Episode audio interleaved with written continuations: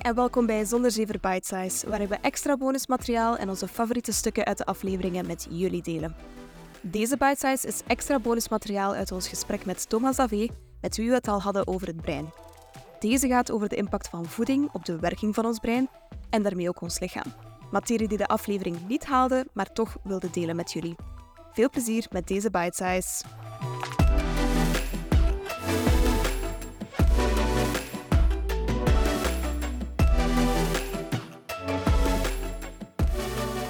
Oké, Thomas, welke voeding is gezond voor ons brein?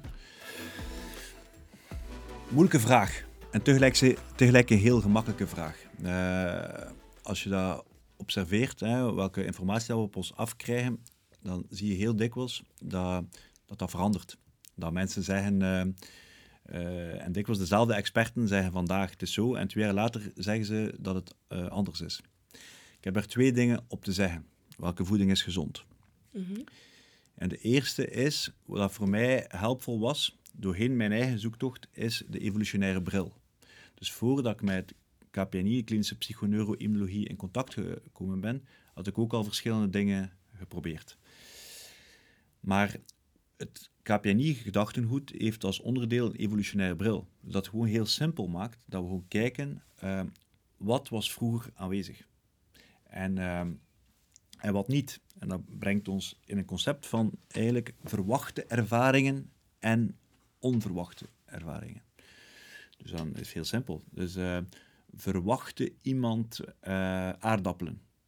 Ah, aardappelen die zijn eigenlijk 200 jaar maar bij ons. Hier, dus de kans dat we eigenlijk aardappelen verwachten, uh, was niet zo heel groot. Verwachten we vis en schaaldieren.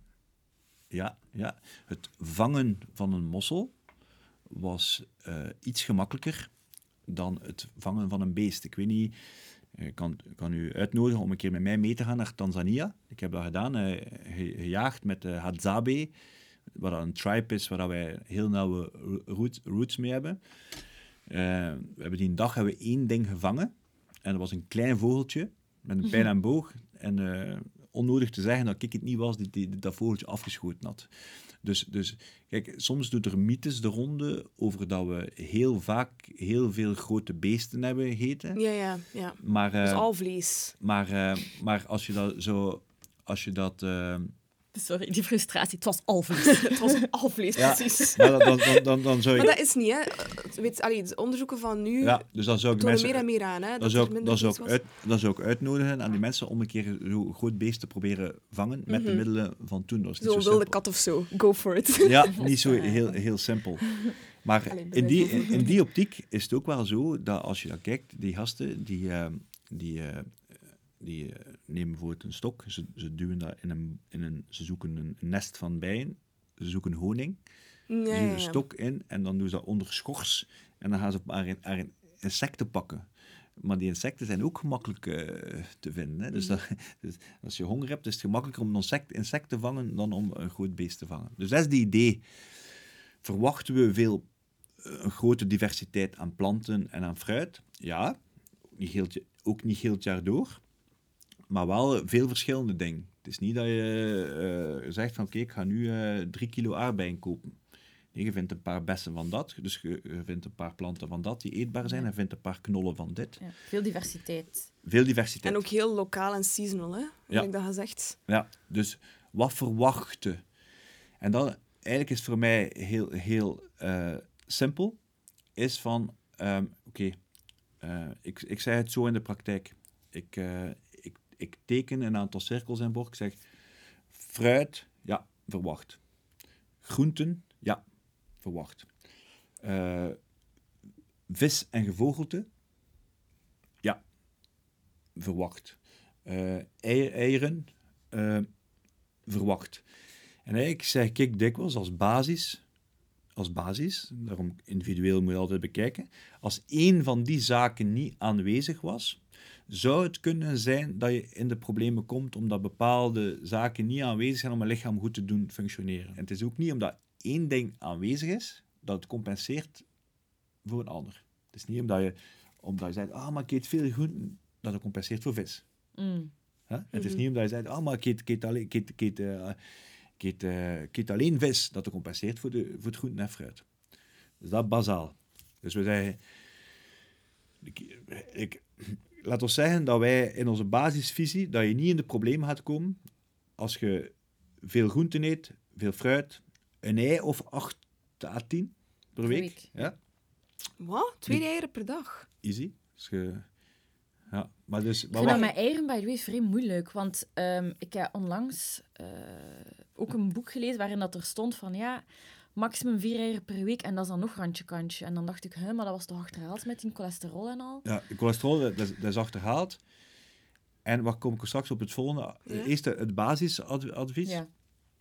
Dus zeggen we eigenlijk eh, ja, naar een tiental eieren. Hè, en dan zal er wel een verschil zijn. Afhankelijk van wat de output is van wat, we doen. Als Ja, je, als, ja, als sure. je, als Mhm. je al dagen eh, eh, sport, dan kun je daar easy mee weg. Als je vooral eh, brain activity doet, dan, dan, dan gaat hij waarschijnlijk misschien met vier, vijf, zes ook, ook voldoende zijn. Maar dat is al basisadvies. En dan zeg ik, alles wat daar hier niet op staat, mag niet excessief aanwezig zijn. Hè? Dus je hebt die, die, die groepen staan in het midden. Mhm. Als er iets van dit niet aanwezig is, kan het een probleem geven. En als het iets is dat hier buiten staat, ik heb het over zoogdieren, ik heb het over eh, melkproducten, kaas, eh yoghurt. eh. voor mij persoonlijk is zoogdieren de factor die ik het minst in mijn leven toelaat en waar Mhm. ik het allerminst in zondig. En, en alcohol bijvoorbeeld? Alcohol zit natuurlijk in de buitenste Ja. cirkel. Ja, ja, ja. Dus, dus alles wat dat in de, in de buitenste cirkel... Eigenlijk als we dat gemaakt is. Ja, dus dat is een evolutionair Ja. perspectief, hè? Ja, ja. Maar Gewoon we zouden ook kunnen zeggen, we kunnen Ja. ook zeggen aardappelen. Zijn- Ja, die ja. Een beetje. Thomas, een beetje. hè. Overdreven. Friet- frietjes, ik, maar iedereen moet er zijn modus vivendi in vinden. Oh ja. Frietverslaving. Ik, ik, eet, ik, eet, ik eet nooit, al twintig jaar, nooit aardappelen thuis. En op restaurant vraag ik frieten bij. Ik eet zo graag frieten. Oh dat is echt problematisch. Echt waar. We gaan een podcast opstarten rond frieten of zo. Ik weet het niet. Er bestaat een podcast, hè? Friet. Ja, ik weet niet. Nou, Ja. Maar, Ja. maar, dus het is interessant om een bepaald concept te hebben, een basisconcept. Hè? Dus dan zeggen we aan de buitenzijde zit alcohol en zit suiker en zit, zit pasta en zit ook brood en zit rijst. Hè? Ik, zeg, ik, zeg, ik zeg dikwijls, eh, ik eet niet al dagen brood en ik eet graag een keer een croissant. Eh, snap je wat ik bedoel? Mm. Als, als dat wat in die buitenste cirkel niet excessief is ehm, en niet excessief na- dus naar binnen komt, dan dat is mijn basisregel. Mhm. regel. Ja, tuurlijk, ja. Goeie basis, af en toe. En Volledig eten, echt eten. Ja. Ja.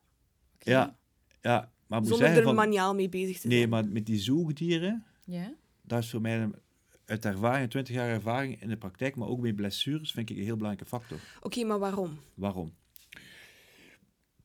Kijk, mensen hebben een soort receptoren op hun cellen die bacteriën aantrekken die passen bij mensen.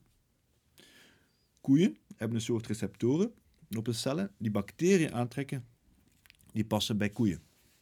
Die noemen eigenlijk NOI5AC, NOI5GC. En als we nu veel zoogdieren eten, dan bouwen we eigenlijk een stuk van die koe in, in onze menselijke cellen. We worden, We worden, the cow. we worden letterlijk een koe. En als we het mooier zouden zeggen, dan zeg ik, eh, dan zeg ik de metabolic incorporation of een non-human sialic acid. Het inbouwen van een niet-menselijke structuur. Maar dan trek je ook de bacteriën aan. Je krijgt, je krijgt een susceptibility, een vatbaarheid voor bepaalde bacteriële zaken. En, en, en sommige zaken, bijvoorbeeld salmonella. Dus stel nu, je gaat naar een barbecue en hij heeft de salmonella en al de rest heeft van hetzelfde gegeten. Ja. En, en waarom heb hij dat dan? Omdat je affinity krijgt voor die slechte bacteriën. Bijvoorbeeld ook Pfeiffer, klierkoorts, heeft een affiniteit voor die zoogdieren. eh, Omdat, die bacteriën dan, omdat je die bacteriën dan ook opgenomen hebt in je lichaam. Ja, en die bacteriën zeggen, trekt trekken die aan. Hij trekt die Ja. aan. Ja, trekt, Ja. Die, trekt die aan. Ja. En, en dan, wil ik- wat ik er nog over zeggen, is ons lichaam reageert daarop door eh, histamine vrij te stellen. Mhm. Ja. Histamine is dus een onderdeel van ons immuunsysteem. Dat moet er zijn. Maar als ik zie in de praktijk hoeveel problemen dat er daardoor komen, ik denk aan hoofdpijn. Ik denk aan luchtweegprobleem. Hooikoorts, astma. Mhm. Ik denk aan buikpijn. Ik denk aan huiduitslag. Ik denk aan soms eh duizeligheid, hartkloppingen. En die histamine, is het dan, nee, dat is niet kaas, of wel? Nee, dat is een, echt Nee, een... histamine, dat maakt het zelf aan. Wacht, hè? Ja. Ja. Wacht. Dus dat- ik, ga, ik ga mijn punt eh, vertellen. Dus Ja. eigenlijk zie je dat als je dus die, die zoogdieren eet en dat binnentrekt als een Trojaans paard, dan Ja, zie je dat je histamine levels al hoog zijn. Ja? Dus dat is door die zoogdieren. Door die zoogdieren in te bouwen, zie je dat je, je baseline al hoog is. En dan zie je, als je dan een bijkomende histaminaire prikkel hebt, en dat kan zijn de pollen of het gras, of dat kan zijn iets in bepaalde voeding, dan zie je dat de, de threshold overschreden wordt, waardoor dat je die, die problemen begint te krijgen. En dan zie, Ja. je, dan zie ik, ik zie Mhm. in de praktijk zie ik dat mensen die zeggen van, ah, ik mag dat niet meer eten, mag dat niet meer eten, dat niet meer eten, van voedingsmiddelen die ook rijk zijn aan histamine. Maar dat ligt niet aan die, aan die voedingsmiddelen. Het is de, de, de- bijvoorbeeld, ik zei mij dat een, eh, een, aardbei niet, meer- een aardbei niet meer zou mogen eten, want er histamine maar Het is aardbei, een gevoeligheid aan histamine. Aardbei, Ja. aardbei is, de evolutionair, is een evolutionair middel. Het gaat erom dat je baseline van die Ja. histamine kunt laten... Dus eigenlijk, uw emmertje zit eigenlijk Ja. al Exact. Te vol. zodanig dat, er, dat het rapper overstroomt. Ja. Voilà. Ik heb toevallig deze week een podcast beluisterd van Roman Chatterjee, want ja, die anders. En dat ging over allergieën en die zei juist hetzelfde wat jij nu gezegd Ah, hebt, die dus- histamine. van, eh, Ja. Ja, dus die had iemand geïnterviewd uit eh, de VS en zij, heeft daar, zij is onderzoekster en zij heeft daar inderdaad verteld histamine en ook beenderen, dat die link daarin zit. En het ging ook over allergie. ja. Maar is het ook niet zo, om nog heel even kort door te gaan op die zoogdieren, is het ook niet zo dat er ehm, heel veel wetenschappelijk onderzoek richting ook chronische laaggradige ontstekingen bij het innemen van eh, zoogdieren? Is dat niet zo dat er, dat er dan heel veel ontstekingsreacties ja, dus... dus, dus ontstaan? ja, en dan... Ja, dus, dus eigenlijk een interessante term waar je mij moet, doet aan denken is... eh, als je het over voeding hebt, is nettotoxiciteit. Hè, want je kunt Mhm. het hebben over een voedingsmiddel en dan kan je zeggen van, ah ja, in tomaat zit dat en dat is goed. En in tomaat zit dat en het is niet goed. In aardappel zit dat en het is goed. En dus, dus wat is een, eigenlijk een interessante parameter om te kijken of dat iets goed is, ehm, is, is om de nettotoxiciteit te gaan bekijken. De nettotoxiciteit is, als je een voedingsmiddel neemt, hoe gaat het dan met je ontst- de ontstekingsgraad in je lichaam? En je kunt dat monitoren door te gaan monitoren waar je nachtslag is. Dus stel, nu- Oh. ja, dus, dus, want dan ga je, als, als voeding stress is voor jou, dan ga je nachtslag omhoog. Mhm. Snap je?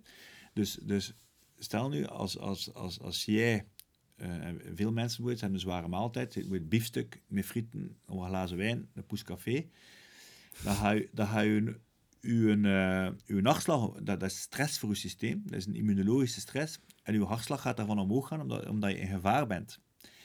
En dan zie je dus dat dat, dat zo een ontstekingsreactie heeft, dat je immuunsysteem acuut geactiveerd wordt, dat je in competitie gaat weer met je brein, waardoor dat je in slaap valt.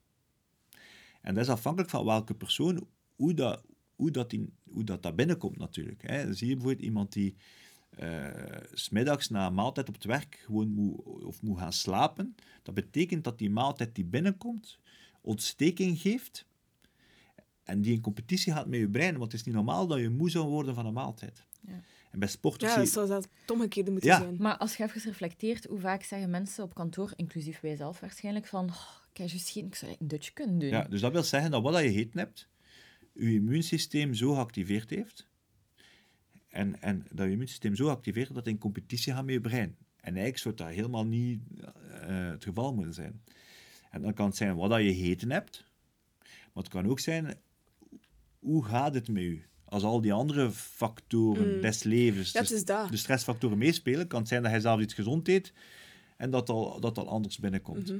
Maar dus je kunt het monitoren, is van, ehm, eh, stel dat je een gevoelig systeem hebt om je hartslag te, te, te meten, dan zou je kunnen zeggen van, ik heb iets gegeten en wat doet het met mij? En daar kom ik eigenlijk terug, als ik even mag terugkoppelen op het begin van, van jullie, jullie vraag. Ik zei, je hebt de evolutionaire bril. En dat vind ik een heel helder concept om, om, Ja, dat is makkelijk om, te... om, om, om te doen. Ja. En het twee, En, en het tweede is ook kijken, uh, ja, waar voel je goed bij? En dat, en dat leren voelen naar, naar je lichaam. Kijk, bijvoorbeeld, ja. uh, ik en noten, dat gaat niet super goed samen. Dus en gewoon, ik zou een pleidooi willen doen dat mensen gewoon leren, leren aware worden mm -hmm. van. Uh, kijk, uh, kijk, s ochtends als ik granola eet, wat dat niet recommendable is, maar, maar, maar normaal wel zo, zo oké okay moeten zijn. Ja, als ik granola eet met kokosjoghurt, dan valt mij niet goed. Dus dat je leert luisteren van, hey, hey word ik er wakker van? Of, of helpt het mij niet? Ja, in plaats van gewoon, in, Mm. in, plaats van gewoon te kijken van, kijk, dit is, dit is goed, want, want sta hier, want die heeft het gezegd. En, en dus, dus zoek, zoeken een filosofie als, als, als leidraad, maar leer luisteren naar, naar, naar je systeem. Uh, ik vind dat wel een goeie, want er is heel veel dat gezegd wordt van en je kunt dit doen, je kunt dat doen, onder andere ook in onze podcast. Hè. -hmm. Maar inderdaad, luister naar wat er voor u past. En Ja. voor de ene gaat het ene voedingsadvies niet het beste zijn. Dan gaat u daar misschien inderdaad niet zo goed bij voelen. En dat luisteren denk- naar je lichaam is belangrijk. Ja, en ik wil daar nog op aanvullen. Big 13, volgens mij, allee, ik, als, klinkt nogal aannemelijk dat stel, je hebt 13 levensstijlfactoren en je scoort op pff, 12 van die levensstijlfactoren eigenlijk relatief goed. Ja. Je hebt er eentje die, ja, dat kan wel beter, maar dan kan ik ook wel verstaan dat het tolerantieniveau wel wat hoger ligt dan als je en bij dat, en bij dat, Natuurlijk. en bij dat, en bij dat, en bij dat. Dus als jij nu Ja. zegt van ja, ik, ik herken mij bijvoorbeeld niet in het... eh, ah, ik, ik voel mij zwaar na eten of zo. Misschien zet jij gewoon heel flexibel in die andere dingen. Of gaat jij altijd daarna gaan sporten of gaan wandelen, whatever. Niet? Of... Ze, om het antwoord te geven op uw vraag, ze zijn cumulatief. Dus elke factor op zich kan ofwel ontsteking bevorderen Omhoog, of ontsteking remmen. Dus het gaat over uw totale ontstekingsgraad. Als de ontstekingsgraad groot is, gaat die meer in competitie gaan met je brein dan als die totale ontstekingsgraad eh, eh, laag is. Maar één Kan wel kan wel de power hebben om alles eh, onderuit te halen. Ja, Ja. oké. Dat snap ik. Ja. Ik vond, ik vond het interessant om, om daarop in te pikken. Zo'n zo'n artikel eh, dat was mij doorgestuurd. Dat er een grote onderzoeker, eh, of dat is een onderzoek gevonden dan, die het, het oplossing voor alle ziekten zou zijn. En dat was een pil voor het immuunsysteem. Dus een pil dat die laaggradige ontsteking zou onderdrukken. Ja, dan, dan, dan doen we toch iets eigenlijk verkeerd. Als we dat als signaal gaan geven aan de maatschappij. Want, want ja, hoe kom, Mijn hoe- god, stel dat dat er komt. Dat ja, maar nee, maar dat is er. Dat is er. Eh, dat is er nu gekomen. Dus een big on- on- onderzoek, omdat je ziet dat die low-grade inflammation, die staat in relatie met kanker, die staat in relatie met diabetes. Eh, dus dus dat is, die, die link heeft de wetenschap nu gelegd. Ze hebben de, ze hebben de, de, de brug gemaakt dat het niet alleen eh, genetically is, maar dat er inderdaad ook een inflammatoire factor is.